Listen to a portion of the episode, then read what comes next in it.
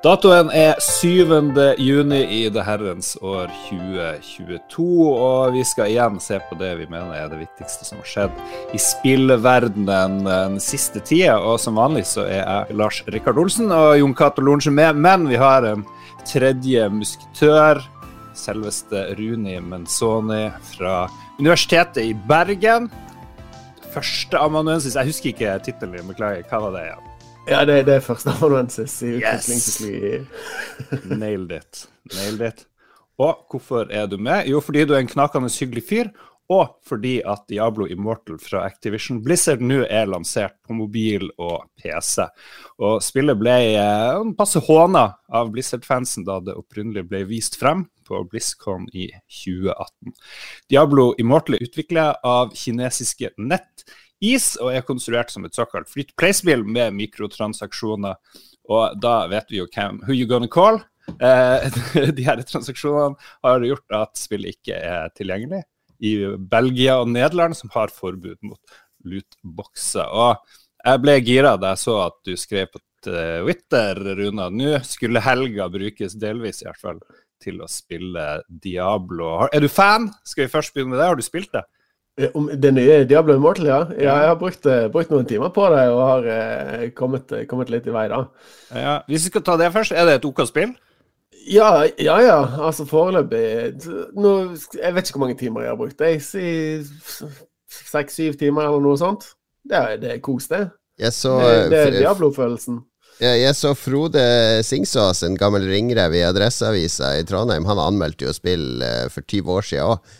Jeg husker han fra den tida. Han eh, delte ut en soleklar sekser og mente dette var så bra som Diablo kunne bli. Og mikrotransaksjoner, det var, hadde ingenting å si. Det var, trengte ikke å kjøpe en dritt, mente han. Ja, eh, og det det, det, det det stemmer sikkert det for den opplevelsen han har hatt. Det stemmer egentlig for min opplevelse også. Men jeg begynner å se et slags bilde av hvordan dette kommer til å være for meg hvis jeg fortsetter å spille dette eh, fremover. Ja. Og da, da ser det ut som det kommer til å endre seg litt. Grann, da. Eh, Kan du fortelle litt om hvordan de lootboxene fungerer? I, uh, oh, ja, ja, det, det, det er fryktelig komplisert, da. Det er ikke Det er mye currencies, Ja, det er mye, mye currencies og mye greier som eh, i begynnelsen jeg, altså, det, er én ting som er veldig rart i det spillet, som man oppdager ganske tidlig. Da, det er at når du, når du, når du slår, eller fullfører disse på en måte hoveddungeonsene, så da får du en premie fra spillet som er at du får lov til å kjøpe en pakke i butikken til rabattert pris. Mm. Det er jo litt spesielt i seg sjøl at det er liksom eh, gevinsten fra, fra å gå gjennom et dungeon. Du får sånne eh, rabatt-vouchers som ligger i den en dungeon, som du kan Ja, ta med altså- deg i butikken. Ja, du, altså du får uh, Gratulerer, du har rønnet uh, denne dungeonen. Her får du en kiste med, uh, med 800% ekstra verdi, er det i den første. Og det er jo veldig mye ekstra oh. verdi, da.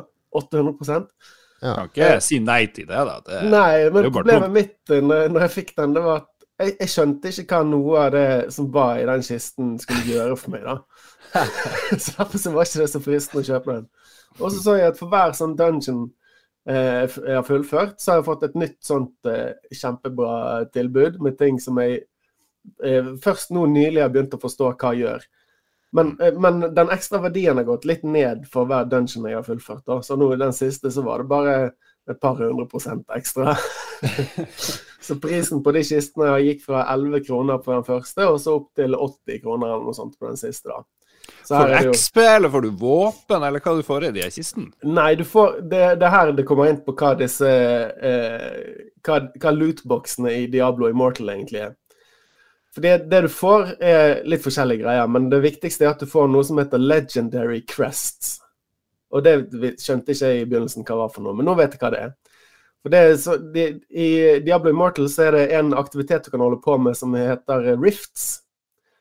Uh, og det, det er også en dungeon du starter, da, og så kan, kan gå gjennom. Og når du starter de dungeonsene, så kan du feste på disse crestsene, da. Som har forskjellige kvaliteter, der legendary er det beste. Og de legendary crestsene, det de gjør når du fester de på uh, de her riftsene, det er at de gir deg bedre loot når du fullfører dem. Mm. Og eh, det, i, I praksis så er dette den eneste måten du kan få tak i det som lar deg oppgradere utstyret ditt i Diablo Immortal, det er å feste på disse crestsene. Og jeg, jeg har sett, jeg drev og studert en del på, på, Reddit og sånt, da, hva folk skriver om eh, mikrotransaksjonsmekanismene i, i, dette spillet. Og Der er det litt sånn delt. da. Det er noen som er på, Dette er jo helt konge, du kan spille i timevis eh, free to play uten at du er plaget av det i det hele tatt. Og så er det noen som er Dette er det verste eh, mikrotransaksjonsopplegget som, er, som eksisterer i hele verden. Mm. Og det, det, det, det, som gjør at folk ser ut til å være fornøyde, de som er fornøyd, det er at du kan spille dette gratis og få tak i legendary eh, equipment og sånt. Det, det får du. Eh, du får liksom bra stæsj innimellom. Men i liksom det lange endgamet her, da, så der er det ikke der, der, er ikke det du jobber mot å få tak i legendary equipment lenger, men det er jo å oppgradere det. Ja. Mm. Og det er der eh, eh, disse eh, ja, mikrotransaksjonene kommer inn. Det er det som lar deg oppgradere dette utstyret.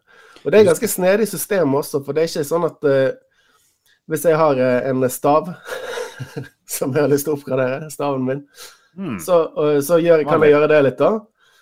Og eh, da, hvis jeg får et annet våpen som jeg har lyst til å bytte det ut med, så er ikke det noe problem. For da bare får jeg spørsmål om vil du overføre oppgraderingene dine til det nye våpenet. Og så sier du ja, så kan du gjøre det, da. Så på den måten så er ikke mikrotransaksjonene dine bundet til en, et, et, item eller noe sånt. Du kan flytte det over til, til andre ting. Hmm.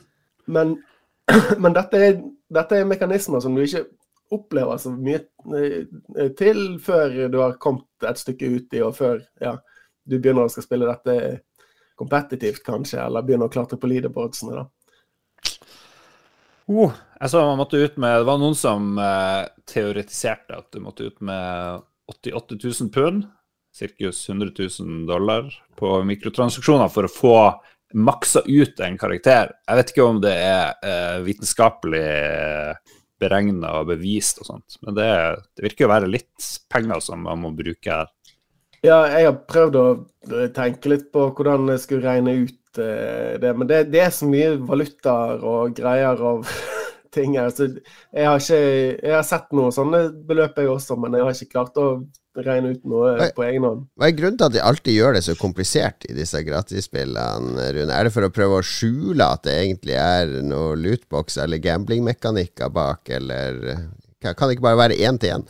Du kjøper dette for dette, og får dette. Jo, men det, hvis det hadde stått Du kan kjøpe Du kan makse karakteren din for 88 000 pund. Ville du gjort det? jeg tar, jeg, hvis jeg hadde vært Elon Musk, kanskje. ja, kanskje hvis du hadde vært Elon Musk. Nei, det det er for å skjule hva, hva summer det er snakk om her. Og mm. så kan du få litt drypp av uh, den ene type valuta her og den andre type valuta der. og så så er det veldig Jeg har jo som sagt spilt dette spillet noen timer, da. Det er jo fortsatt vanskelig å skjønne hva alle disse greiene skal, skal gjøre for meg. Mm. Så det, det, er bare for å flytte de ekte pengene fra noe konkret og håndfast og over til noe helt abstrakt som, er, som er vanskelig å skjønne hva skal gjøre. Er ikke dette bare prisen vi må betale for at noe skal være gratis i utgangspunktet? Altså vi hvis noen hadde sagt at jeg kan gå gratis på kino, så hadde jeg jo tenkt at det hadde vært en, eh, en eh, baktanke med det. Om jeg så hadde blitt pepra med reklame og sånn i, under filmen, og prøvd å lokke til å kjøpe masse mat, så hadde jeg tenkt at det er en del av dealen, for jeg slipper å betale. Det kan, kanskje er det det, men samtidig så finnes det jo andre spill som gjør dette på måter som er mer eh, eh da. Altså, du tenker på gratisspill nå? Ja, Fortnite, for eksempel. De, har, de har Battle Pass som du kan kjøpe. Det er greit, det har de. de må, Diablo Immortal òg, for så vidt. Eh, og så har de eh, kosmetiske gjenstander som har en fast pris. da. Du kan se hvor mye de koster, og så velger du om du vil kjøpe de eller ikke. Mm. Det, er jo, det, er jo, gjennomsiktig og greit. Kan man mene hva man vil om Fortnite, da, men ja, For, for utfordringa her er vel kanskje at det, ligger, det hadde vært et spill som eh, altså Dette kunne vært et av årets beste spill, men blir kanskje ødelagt litt av disse pengesystemene som ligger oppå og forhindrer normal progresjon, eller Ja. Nå er det jo helt tydelig at det er litt delt blant spillerne, da, hvordan man opplever disse mikrotransaksjonene i Diablo Immortal. Men jeg, jeg, jeg, registrerer jo at de fleste som eh, sier at dette er ikke noen big deal og sånt på, på forumene, de blir ofte møtt med at uh, du har sannsynligvis ikke levelet opp karakteren din til level 50 og forbi det, da.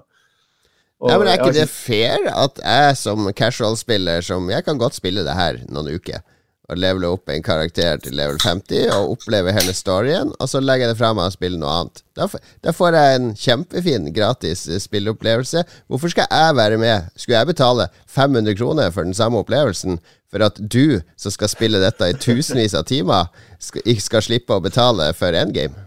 Nei, det kan, du, det kan du si, og det er, ikke, det, det er jo ikke noe i veien for å spille dette spillet noen timer opp til level 50, eller hva man vil, og kose seg med det.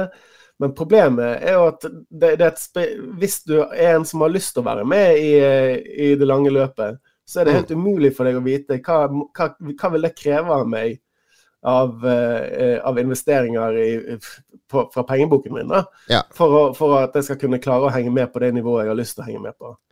Det, det, det syns jeg er et problem. da. En forutsigbarhet i hva det egentlig vil koste deg å spille dette på et uh, toppnivå?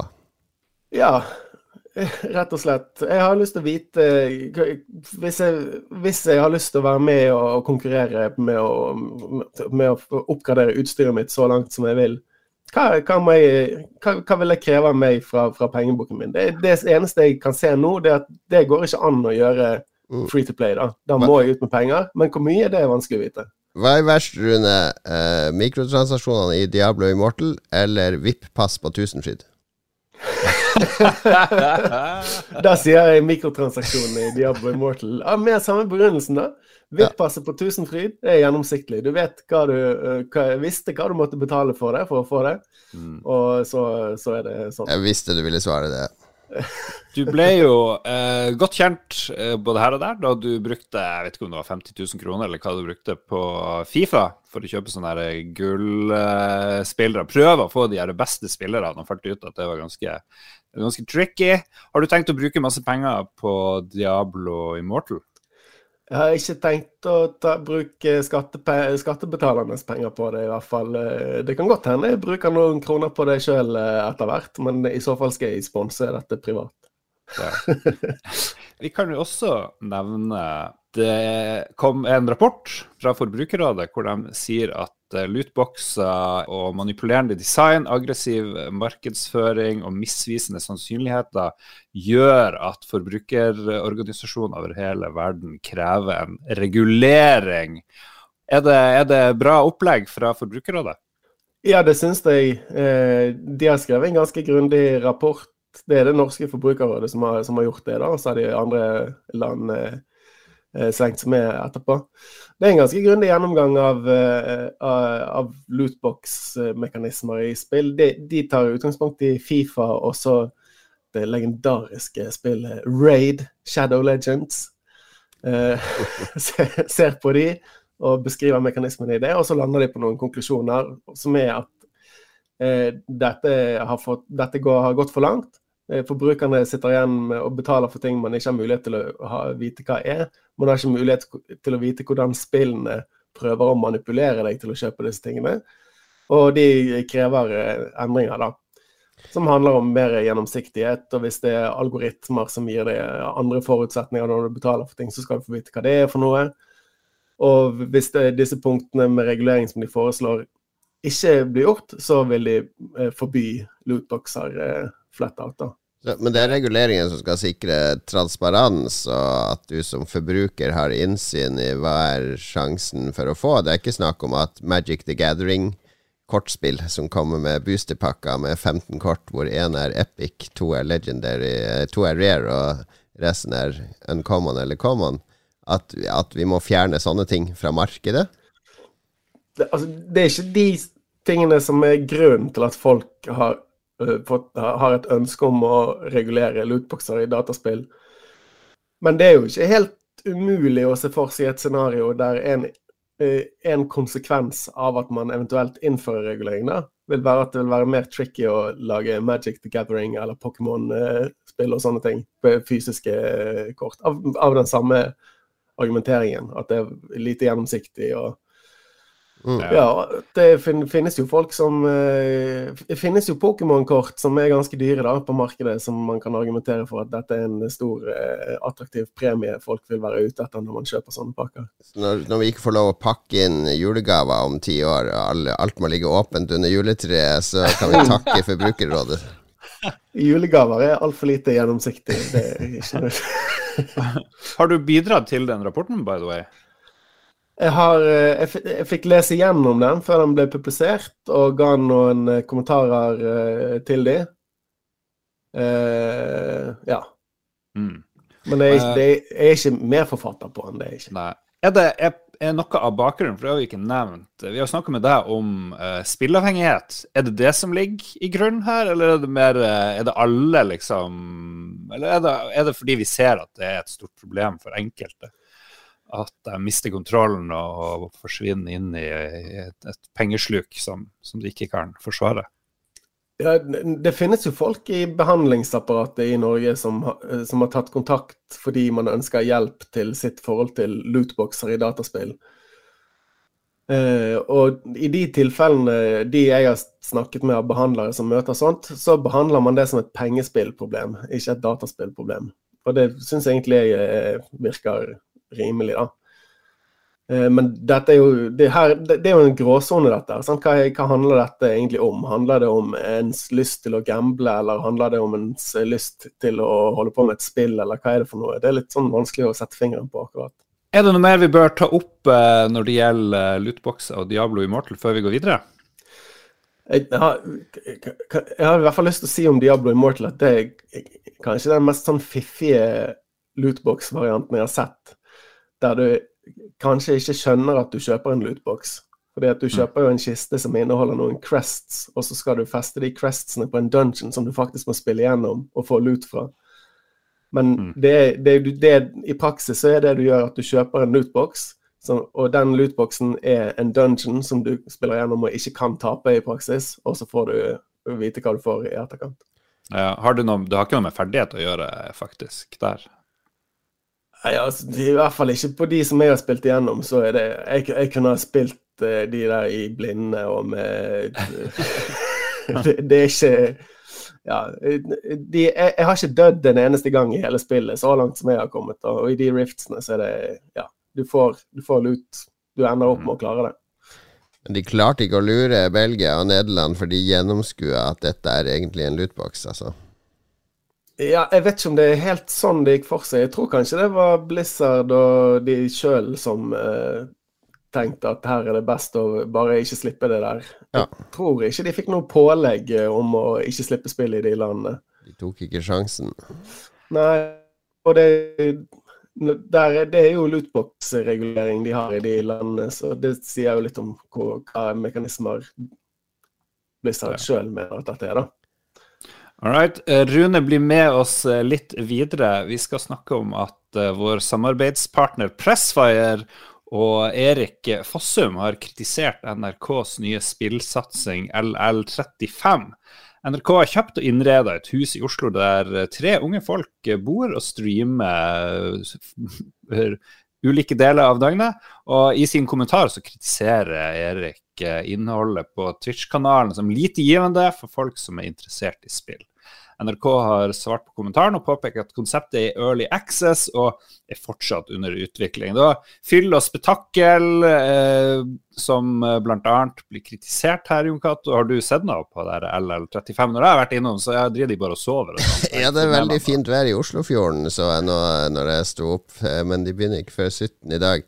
Eh, tydeligvis. Nei, jeg har, jeg har, vært innom så vidt, og det er som regel folk som sitter i en sofa og prater. Uh, mm. Så at det er ikke Altså, nå sitter vi her tre hvite menn på, som nærmer seg 50 og skal kritisere noe som NRK har laga for uh, unge folk. Jeg må, jeg må, jo si jeg liker jo at NRK eksperimenterer, og f.eks. med FlippKlipp så traff de innertier, spør du meg, for å lage content som ligner på YouTube-content for barn og unge. Uh, alle, eller begge mine yngste barn har jo vært store fan av FlippKlipp og Viktor og Chris og alle de folka som har vært med der.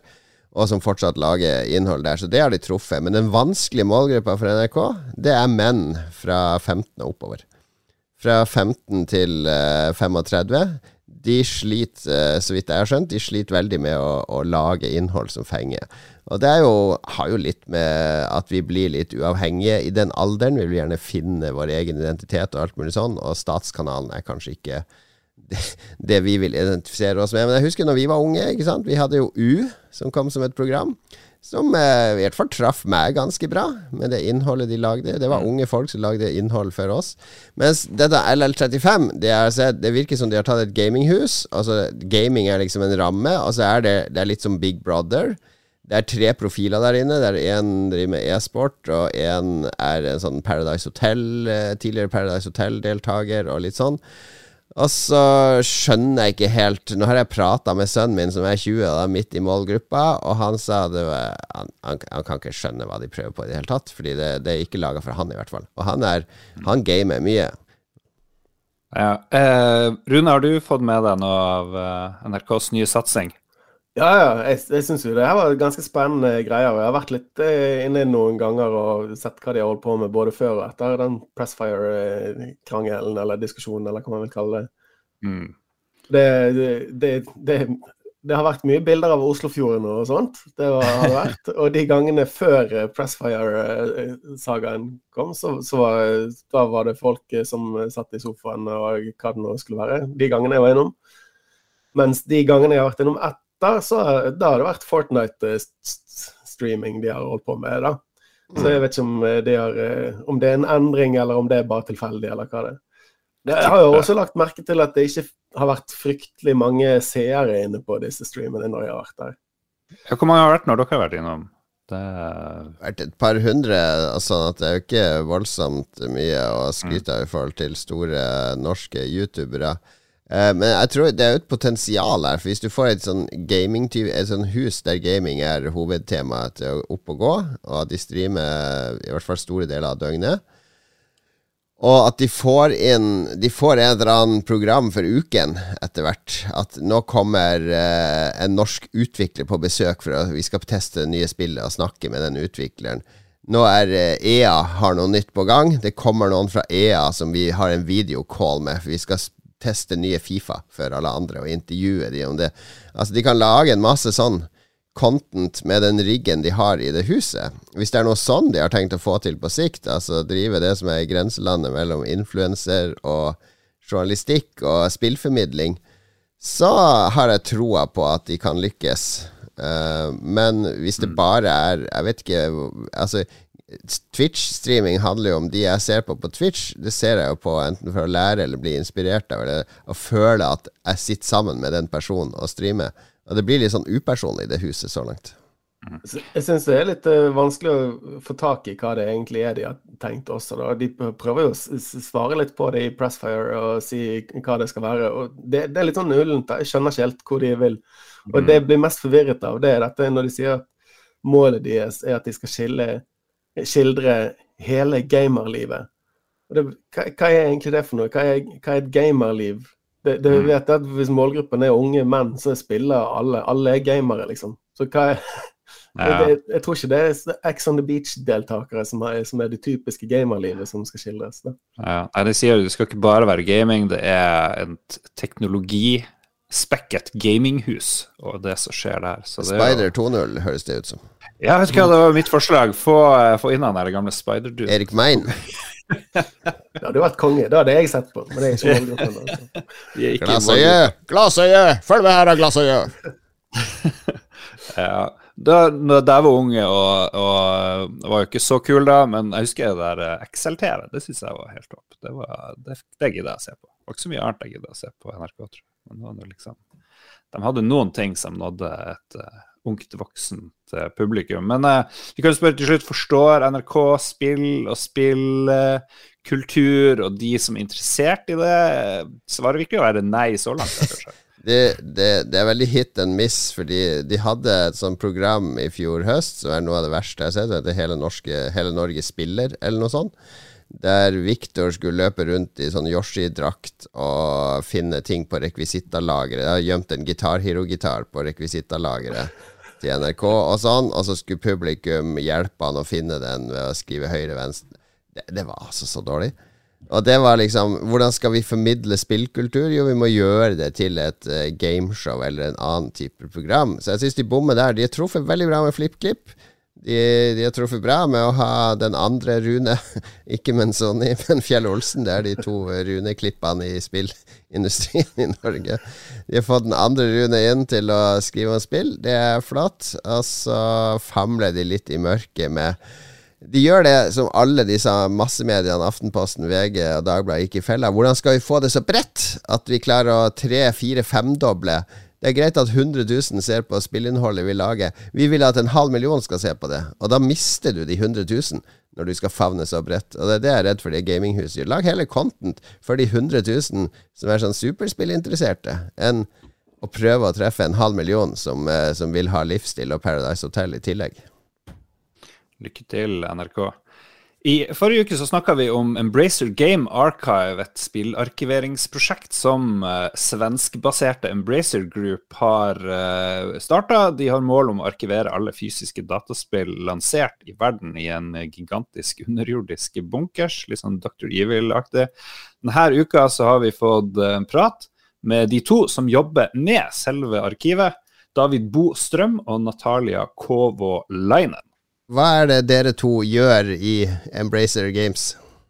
Ja, vi kan vel bare presentere oss. Jeg er David Boström, då, VD for Embracer Games Archive og Natalia. Ja, mitt navn er som sagt Natalia Kovalainen og jeg er sjefsarkivarie. Det er våre hovedsyfter, eller man skal si. Er, er, det bare dere to som jobber med, med i, i Embracer Games Archive, eller er det flere? Nei, jeg kan ta litt historie. Jeg ble ansatt først ut her da, i høstas forrige året, 2021. Och redan ombord på skeppet var Thomas Sundhede som har, liksom har jobbat de senaste åren med att leta upp samlingar, köpa in samlingar. Så att det är han som har ordnat vårat, eh, stor, stor del av vår start om man säger så. Ja. Och efter jag varit anställd så var jag såklart tvungen att ha kollegor som ska hjälpa till på den här färden. Och första anställningen som var solklar här var ju Natalia som blev chefsarkivarie.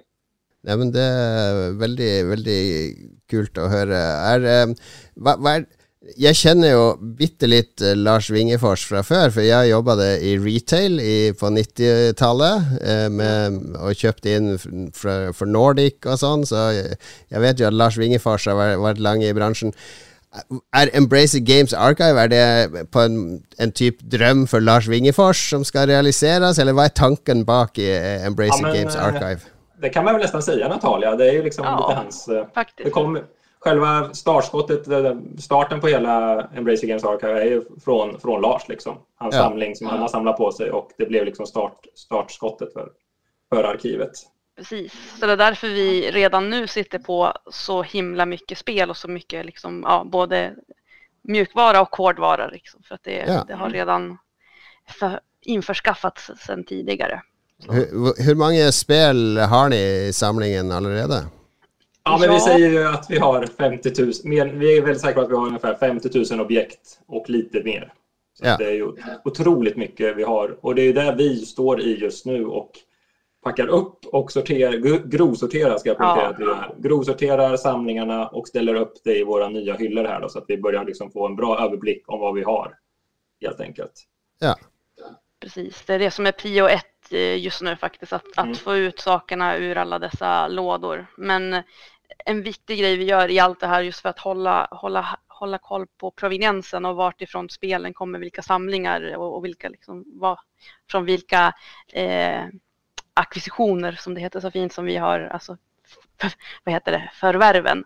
Yeah. Så eh, håller vi varje samling för sig så vi, så, så vi blandar inte liksom enheter, alltså bara för att det är en konsol så blandar vi inte alla alla ihop nu i det här stadiet, utan vi håller varje, eh, vad heter det, varje samling för sig, så det kan vara väldigt blandat. Ja, jag förstår. Er det, men, håller på, på Säger du? Ja, nei, det, men dette er jo eh, en, en eh, Altså, intensjonen er å preservere, arkivere og bevare spelkultur. Altså, det er en, en kultursamling. Eller er det Det er jo mange som samler på gamle spel og retrospel og sånn, men det er ikke samling for samling. Det er, det er... Nei, precis. Vi vil jo at vår samling skal kunne verne og måne om selve TV-spillhistorien og kulturen. Så vi vil jo kunne anvende spelen vi har i vårt arkiv til å fremme, som sagt. Så det kan være hjelpe forskere, det kan vara hjälpa journalister, det kan vara hjälpa, i framtiden kommer det troligtvis bli mer vanligt med utbildningar i form av tv-spelshistoria og mera och då vill vi kunna vara ett, ett bra komplement och göra det lilla vi kan från vårt arkiv. Mm. Precis, att, att man med, med hjälp av, det, av alla objekt som finns i vårt arkiv kunna främja vidare. Eh, bevarandet och, och preserverandet av spel. Och det kommer ske mycket sånt hos oss också. Vi har ju mycket hårdvara att ta hand om i dagsläget exempelvis mm. som vi, vi just har fokus fysiska spel också och det är en viktig avgränsning att, att ta upp också. Alltså det, är, det är inte digitala spel vi kommer att hantera, utan det är ju fysiska utsläppta spel och konsoler och det är allt det som behövs för att kunna spela de här spelen. Ja, för tanken är att all, alla skal ska kunna spela så på original hardware och att man ska kunna göra research och eh, typ en forskare ska komma och forska på et fenomen från 80-talet och faktiskt kunna spela og se på manualer og alt sånt. Precis, och kunna jämföra manualer från olika utsläpp exempelvis eller från olika, liksom, ja, att det är samma spel men att det kanske är till olika konsoler och kunna jämföra hur, hur de såg ut. Hur de, alltså det finns så mycket häftigt forskningsunderlag här i framtiden. Mm. Och även fast vi nu är väl, vi har inte hållit på så länge som sagt, vi börjar komma igång på riktigt nu första året. Och vi har redan fått en del förfrågningar som vi har kunnat hjälpa till med och det är jätte, jätte, jätteroligt. Är det. Mm. Ja, det er godt å høre. Er det, um, er det, er det något... Det, det, måste, ni, dere er sikkert ikke de første som tenker på at preservere og arkivere spill som en kulturarv. Har, har ni noe ni sammenligner med, eller er alt ni gjør, fra scratch? Altså för, för vår del just nu så är det verkligen från scratch. Vi har ju inte någonting riktigt liknande exempelvis här i Sverige att kunna tillförlita oss på, att kunna liksom eh, gå till. Men, men vi försöker ha kontakt med andra liknande verksamheter runt om i världen för att liksom få inspiration ifrån varandra och kunna verkligen hjälpas åt. För som sagt, vi är ju en del av det här preservering och konservering av spelkultur. Vi, kan, vi är inte allt, mm. men vi vill gärna vara med och hjälpa till och verkligen främja så gott det går ut, utifrån den, eh, vår premiss och liksom det vi har. Mm. Vi vill ha så omfattande arkiv som möjligt, men vi är väl medvetna om, ska vi välja att säga, Oj. Vi kommer aldrig lyckas få alla spel. Ja, förhoppningsvis lyckas vi med det. Men det är, det är mycket spel det finns. Om du bara går till dataspel, det är nog ingen människa på jorden som vet exakt hur många spel som mm. finns och vilka variationer. Många PC-spel kommer bara i vissa länder och kanske liten utgåva. Men vi vill ha så omfattande arkiv så att vi kan hjälpa till så mycket som möjligt. Så kan man väl sammanfatta det. Natalia. Man måste ju ha ett hairy goal som man aldrig kan nå. För där kan man ja, men lite så. Det känns ja. ändå bra att ha ett ouppnåeligt mål. men det är så himla häftigt. Och, och det är så ja. roligt att det är just inte bara konsoler utan även datorer och liksom tidiga datorer så vi att verkligen kunna liksom följa spelhistorien från, mm. från tidigt, tidigt skede. Men ni, ni, samler og arkiverer. Altså de tenker ikke på grenser eller at det kun er Vesten. For det er jo en typ helt egen historie med datorer og sånn i Japan på 80-tallet, mm. som, som, vi ikke har så mye, mye innsikt i her i Vesten. Det, skal det også være en del av samlingen, eller er det Ja, ja. Og det er redan faktisk en del av samlingen. Vi har en del väldigt roliga äldre japanska datorer och liknande. Vi har, ja.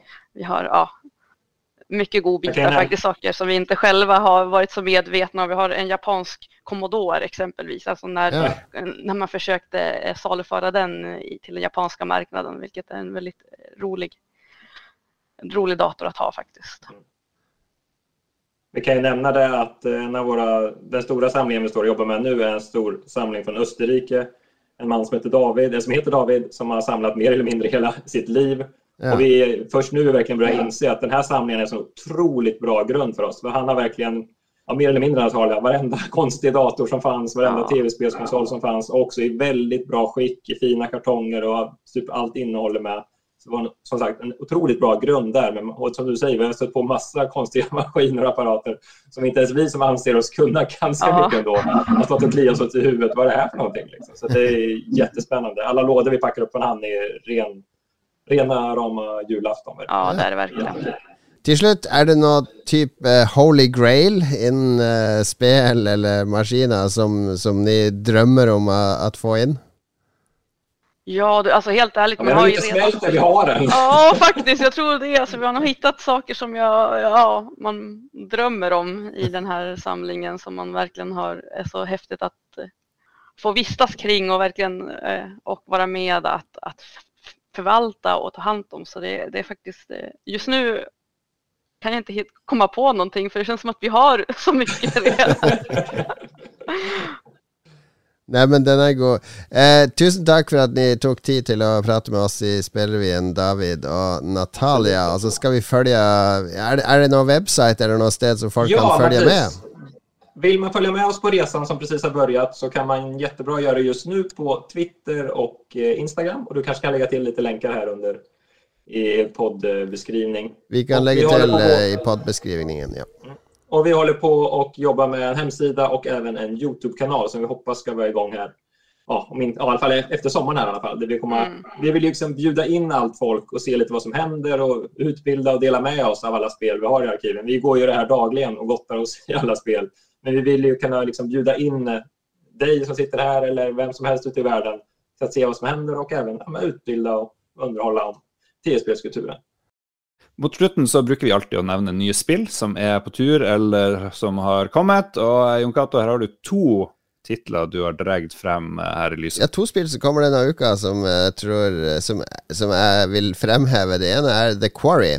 Det er laga av uh, Supermassive Games, og de kjenner vi kanskje best for uh, skrekkspillet Until Dawn. Som var veldig sånn filmatisk fredag den 13.-aktig horror med, med ekte skuespillere og masse sånne veivalg underveis. Sånn at en og en av disse ungdommene kunne falle fra hvis du tok feil valg, og så var det mange ulike slutter. Og det spilte jo jeg og du på en hyttetur, Lars, med resten av gjengen, der alle satt og klagde veldig mye, men det var likevel ganske underholdende. Jo da, ja, det var en hit. Dette er et ny, nytt spill i denne serien med David Arquette og en masse B- og C-skuespillere med på laget.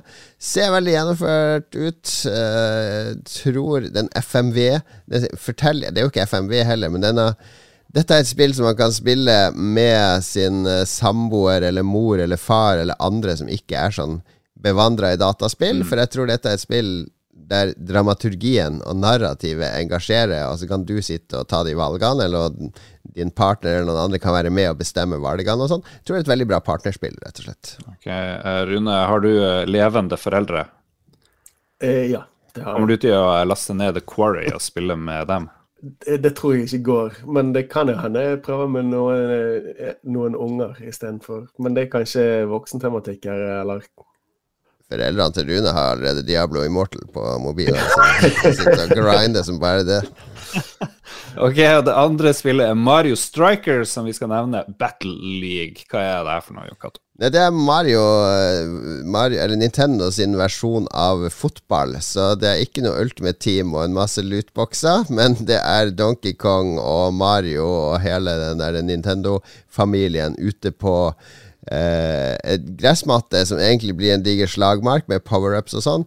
Mario Strikers var et GameCube-spill opprinnelig og var fantastisk morsomt. EA stjal masse av det, for de lagde en sånn 3 mot 3 Fifa-modus med litt sånn der street football-greier. Som var litt inspirert av Mario, men Mario var mye raskere, mer responsivt, mer overdrevet, masse power-ups og sånne ting. Så jeg tror dette kan bli en sleger i sommer for eh, barna på Switchen. På, jeg skal jo på 35 timers biltur med mine unger nedover til Spania, så jeg håper det kan passifisere de i baksetet. All right. Vi bruker å avslutte sendinga med gode råd eh, funnet opp på stedet av eh, Jon Cato Lorentzen om hva lytterne skal gjøre den neste uka. Jeg skal prøve først å spille ballen over på Rune. Hvis du måtte dikte opp et godt råd til lytterne sånn helt på sparket, hva du eh, tror folk burde gjøre den neste uka? Ja, det, det, jeg trenger ikke dikte, fordi det jeg har gjort eh, som har vært veldig givende siste tiden, sammen med min mellomste sønn, det er å spille Spir Spiritfarer. Spir det er veldig vanskelig å si det ordet, syns jeg. Mm. Det er jo. Hæ? Ja, det, det, er veldig fint. da. Jeg hørte mye skryt av det på når sånn spillåret i fjor ble oppsummert. Hadde gått med hus forbi. Men nå har vi gått i gang med det, og det er så kos. Det, det, det er veldig bra. Mm. Veldig bra. Du, vil du eh, supplere med noe, Jon Cato? Ja, mitt råd er uh, når man ikke skal gjøre Ikke bruke 88 000 pund på Diablo Immortal. Da kjøper du deg heller Da bygger du heller et game archive, sånn som uh, Embracer Group holder på med. Bruk heller pengene på det. Tusen takk til Jon Cato, tusen takk til Rune, og tusen takk til meg sjøl, Lars Sigurd Olsen. Vi er tilbake om en uke. Vi samarbeider med Pressfire. Du kan også høre våre andre podkaster, Lolbua, Likos univers med gjedda, Spillrevyen og Spill i ulike kanaler der du finner podkaster. Vi snakkes. Ha det bra.